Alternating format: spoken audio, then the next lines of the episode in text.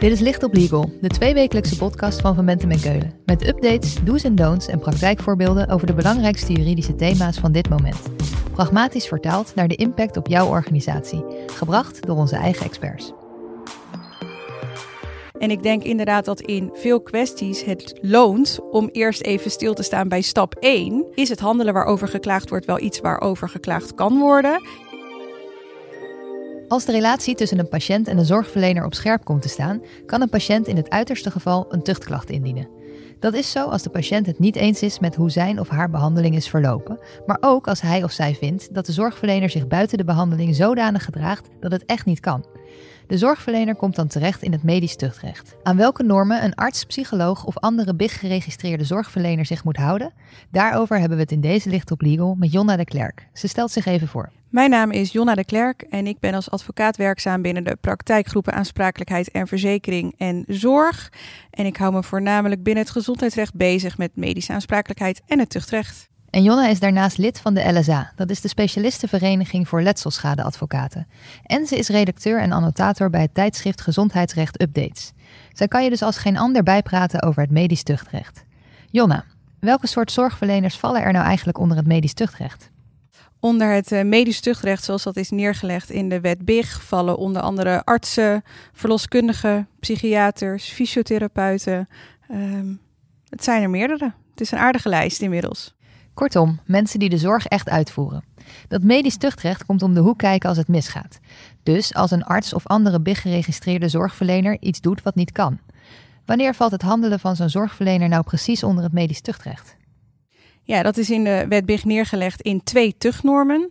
En de eerste tuchtnorm ziet op handelen dat echt gaat om tekortschietend handelen in de arts-patiënt-relatie. Dus dan is er echt een behandelrelatie. En dan gaat het om een patiënt die vindt dat er niet goed is gehandeld in die relatie of een naaste van die, die, patiënt. Uh, en de tweede tuchtnorm is wat breder. En die ziet op um, eigenlijk handelen dat een redelijk beroep, beroepsbeoefenaar niet betaamt. Um, dus dat zou zelfs ook kunnen gaan om privéhandelen van de arts.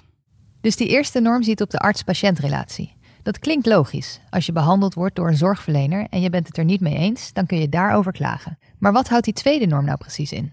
Nou, die zie je eigenlijk dat die in de jurisprudentie van de tuchtcolleges in, in twee gedeelten is uitgesplitst. Uh, enerzijds handelen dat dusdanig ernstig is dat ook uh, privéhandelingen van die arts daaronder vallen. En dan moet je echt denken, en zo staat het ook in de memorie van toelichting uitgelegd, om uh, heel ernstige strafrechtelijke delicten, zoals levensdelicten, verkrachting, het aanwezig hebben van kinderporno als arts. En dan zegt het tuchtcollege, dan is ook een privégedraging kan dan onder het tuchtrecht vallen, onder die tweede tuchtnorm. En het andere waar die tweede tuchtnorm op ziet, en dat is natuurlijk iets wat je wel vaker tegenkomt dan zulke andere ernstige delicten, is uh, handelen als bijvoorbeeld bestuurder van een zorginstelling, waarbij je niet een behandelrelatie hebt met een patiënt, maar het toch mogelijk is dat jouw handelen onder die tweede tuchtnorm valt. Dus het gaat in de eerste plaats om echt ernstige feiten, waarvan we als samenleving vinden, dan kan je geen zorgverlener meer zijn. Maar die tweede subnorm klinkt veel breder. Hoe zit dat dan? Dat is een stuk breder en je moet het niet zo zien dat alles wat jij in de hoedanigheid doet als arts, dat daaronder valt. Hoe de tuchtcolleges het uitleggen is dat daarvoor eigenlijk twee vereisten gelden. Je moet je dan wel gedragen um, in de hoedanigheid van jouw BIG-registratie, waarvoor het dan ook nodig is dat je op jouw eigen deskundigheidsgebied um, aan het handelen bent. En jouw handeling moet uh, weerslag hebben op de individuele gezondheidszorg. Oké, okay, dus het gaat erom dat je het in de hoedanigheid van je functie doet. En begrijp ik het dan goed dat het ook direct betrekking moet hebben op een patiënt? Nou, als het natuurlijk echt direct betrekking heeft op een patiënt, dan zit je snel weer in die eerste tugnorm. Dan heb je een behandelrelatie. Maar er moet wel een um, weerslag zijn op die individuele gezondheidszorg. Dus het moet wel terug te leiden zijn tot individuele personen en niet de gezondheidszorg in het algemeen. Zou je dat eens kunnen uitleggen met een voorbeeld? Ja, ik denk dat we het sowieso veel over voorbeelden moeten hebben deze keer, want dat maakt het wat meer tastbaar. Uh, je ziet het recentelijk in een, een uh, tuchtzaak die was uh, aangespannen tegen uh, we weten denk ik allemaal wie het is, de voorzitter van het OMT uh, in deze uh, coronacrisis. En daarvan zei het tuchtcollege, de klager was het niet eens met de adviezen die door het OMT en de voorzitter werden uitgebracht in het kader van de COVID. En daarvan zei het tuchtcollege dat ziet op de publieke gezondheidszorg, op de algemene gezondheidszorg. Dus ook al ben jij wel met je kennis en in de hoedanigheid van arts aan het handelen. Het heeft geen invloed op de individuele gezondheidszorg, maar op de publieke gezondheidszorg. Dus ben je niet ontvankelijk in je klacht, want het valt niet onder een van de twee tuchtnormen. Ja, want dit gaat om Jaap van Dissel. Hij is arts, maar geeft als voorzitter van het OMT ook advies over het coronabeleid. En dan zegt de tuchtrechter: de klacht is niet ontvankelijk, want het gaat niet over het specifieke vakgebied van Van Dissel, maar over gezondheidszorg in het algemeen. Dus kan je niet klagen over zijn advies. Ja, al kan je natuurlijk ook wel denken, het valt onder het, wel onder het deskundigheidsgebied van Van Dissel. Dat zou dan één van de twee vereisen zijn waaraan misschien wel is voldaan. Alleen het ziet niet op de individuele gezondheidszorg, het ziet op de publieke gezondheidszorg.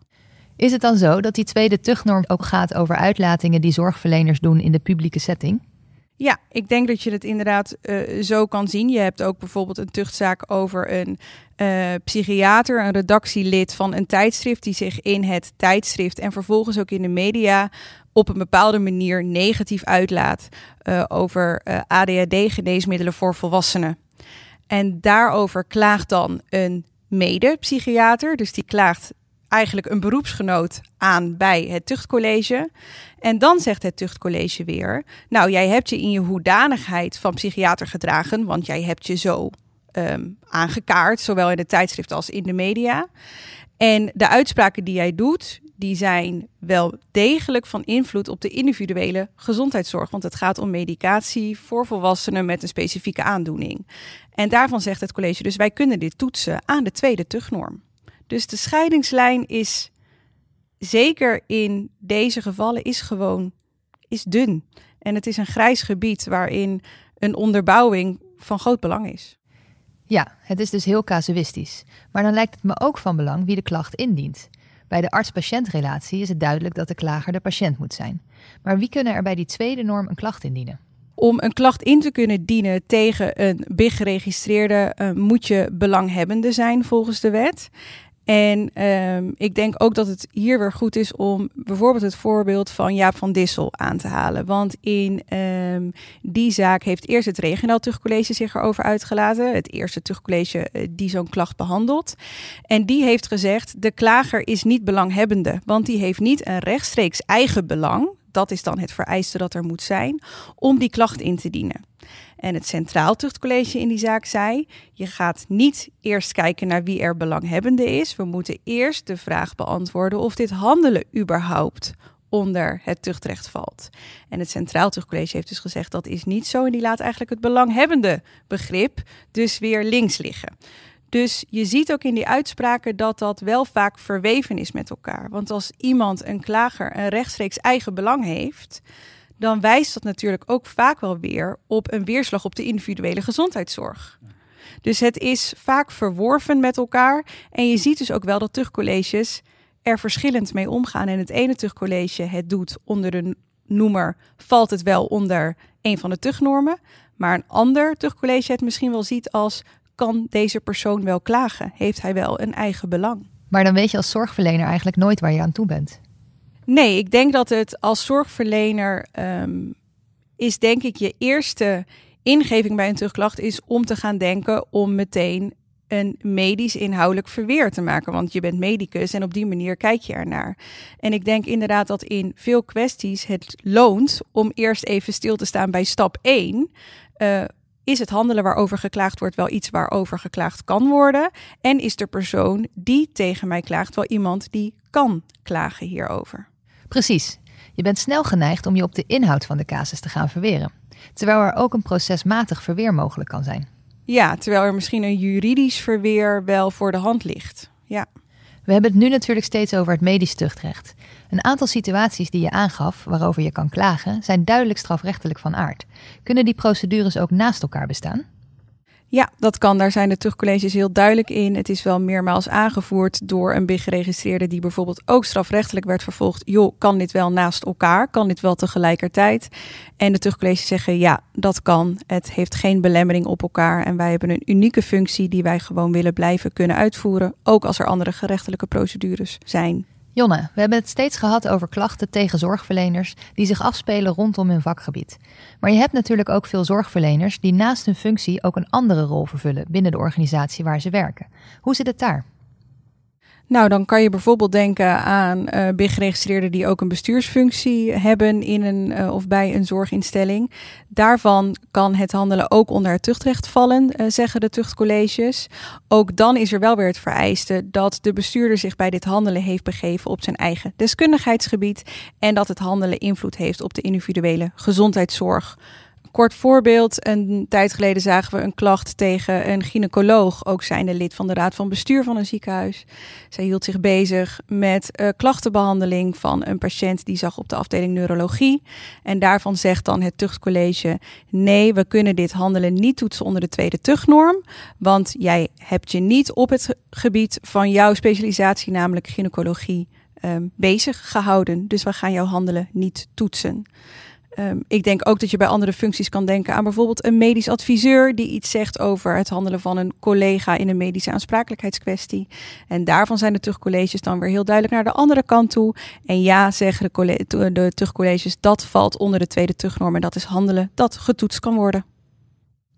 Duidelijk, maar ik zou toch wat meer willen weten over waar nou de grenzen liggen. De voorbeelden die je noemt, zoals de psychiater die publiceert in een tijdschrift, of Jaap van Dissel die adviseert over de gezondheidszorg, dat ligt nog allemaal in het zorgdomein. Maar wat als ik bijvoorbeeld iets zeg op een verjaardag? Heb je daar voorbeelden van? Ja, daar heb ik voorbeelden van. Uh, ik denk dat het uh, in het kader van jouw vraag goed is om er twee uit te lichten. Uh, recentelijk zijn er twee zaken geweest die ehm, hier wel iets over zeggen.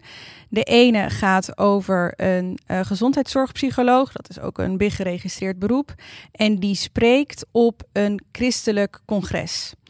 En hij spreekt totaal niet in zijn hoedanigheid van gezondheidszorgpsycholoog. Dus in de pamfletten, uh, de congresaankondiging staat nergens aangegeven dat hij gezondheidszorgpsycholoog is, maar hij spreekt gewoon als directeur van een bepaalde, ik denk, christelijke instelling. En op dat congres komt er vervolgens een man naar hem toe en die vertelt over zijn homoseksuele geaardheid. En de dag daarna gaat deze gezondheidszorgpsycholoog bij dat gesprek een directeur van een andere christelijke instelling betrekken. En daarmee wordt bekend dat deze man homoseksuele gevoelens heeft. En dat is heel um, van heel veel invloed op de rest van zijn leven. Hij wordt op non-actief gesteld. Hij mag niet meer in de broedergemeenschap blijven wonen waar hij woont. En hij klaagt deze gezondheidszorgpsycholoog tuchtrechtelijk aan. En hij zegt: Jij hebt je beroepsgeheim geschonden. Ik ben juist naar jou toegekomen omdat ik wist dat jij gezondheidszorgpsycholoog was. En jij had dit nooit zo mogen delen. En daarvan zegt de tuchtrechter: Jij hebt dit gezondheidszorgpsycholoog volledig niet in jouw hoedanigheid van BIG geregistreerde gedaan. Nergens was kenbaar dat jij gezondheidszorgpsycholoog bent. Ja, de klager zegt wel dat hij met die intentie naar jou toegekomen is, maar dat volgt echt nergens uit. Je hebt je totaal niet zo geprofileerd. Dus jij hebt niet in die hoedanigheid gehandeld en het kan niet onder de tweede tuchtnorm vallen. En ik denk dat die hoedanigheid waarin je handelt, die lijkt steeds heel belangrijk te zijn voor de tuchtrechter. Een andere zaak waarin het naar voren kwam, is een zaak waarin een um, man een psychiater in opleiding tuchtrechtelijk aanklaagde omdat hij een verhouding had gehad met dienstvrouw. En er heeft op een gegeven moment, daar is die man achtergekomen en heeft er een online chatgesprek plaatsgevonden tussen deze man, de klager, en de uh, arts in opleiding, de psychiater in opleiding. En daar heeft die psychiater in opleiding, nou ja, best wel vergaande uitspraken gedaan. Bijvoorbeeld dat deze man Asperger had, geestelijk ziek was, medicatie nodig had. Maar het was heel duidelijk een privéconflict over een verhouding tussen een man en een vrouw. En daarvan zegt de tuchtrechter ook, ja, wat wij verder ook kunnen vinden van die opmerkingen, want die zijn misschien niet zo handig geweest. Het is compleet in privé gebeurd. Jij hebt je niet in je hoedanigheid van psychiater of psychiater in opleiding uitgelaten naar deze man toe. Um, dus het valt niet onder de tweede tuchtnorm. Dus het lijkt erop dat die hoedanigheid, als het dus niet gaat om die extreme handelingen zoals als verkrachting of moord, dan is die hoedanigheid echt heel erg belangrijk. Maar dat is misschien ook wel iets wat je kan framen als je in de problemen komt. Ja, ik denk, ik heb voor, voor vandaag uh, meerdere uitspraken op dit punt doorgenomen. En mij bleef wel het gevoel bij dat het zo casusafhankelijk is. Maar daarmee de scheidingslijn, wat ik net ook al zei, zo dun maakt. Dat ik denk dat je argumentatie in dit vlak van heel veel betekenis is hoe een tuchtrechter hierover oordeelt. Want ik heb, nou ja, ook denk ik meerdere voorbeelden die ik net uitlegde, hadden wat mij betreft ook soms zo een andere kant op kunnen vallen. Om af te sluiten, wat zou je willen meegeven aan BIG-geregistreerde zorgverleners?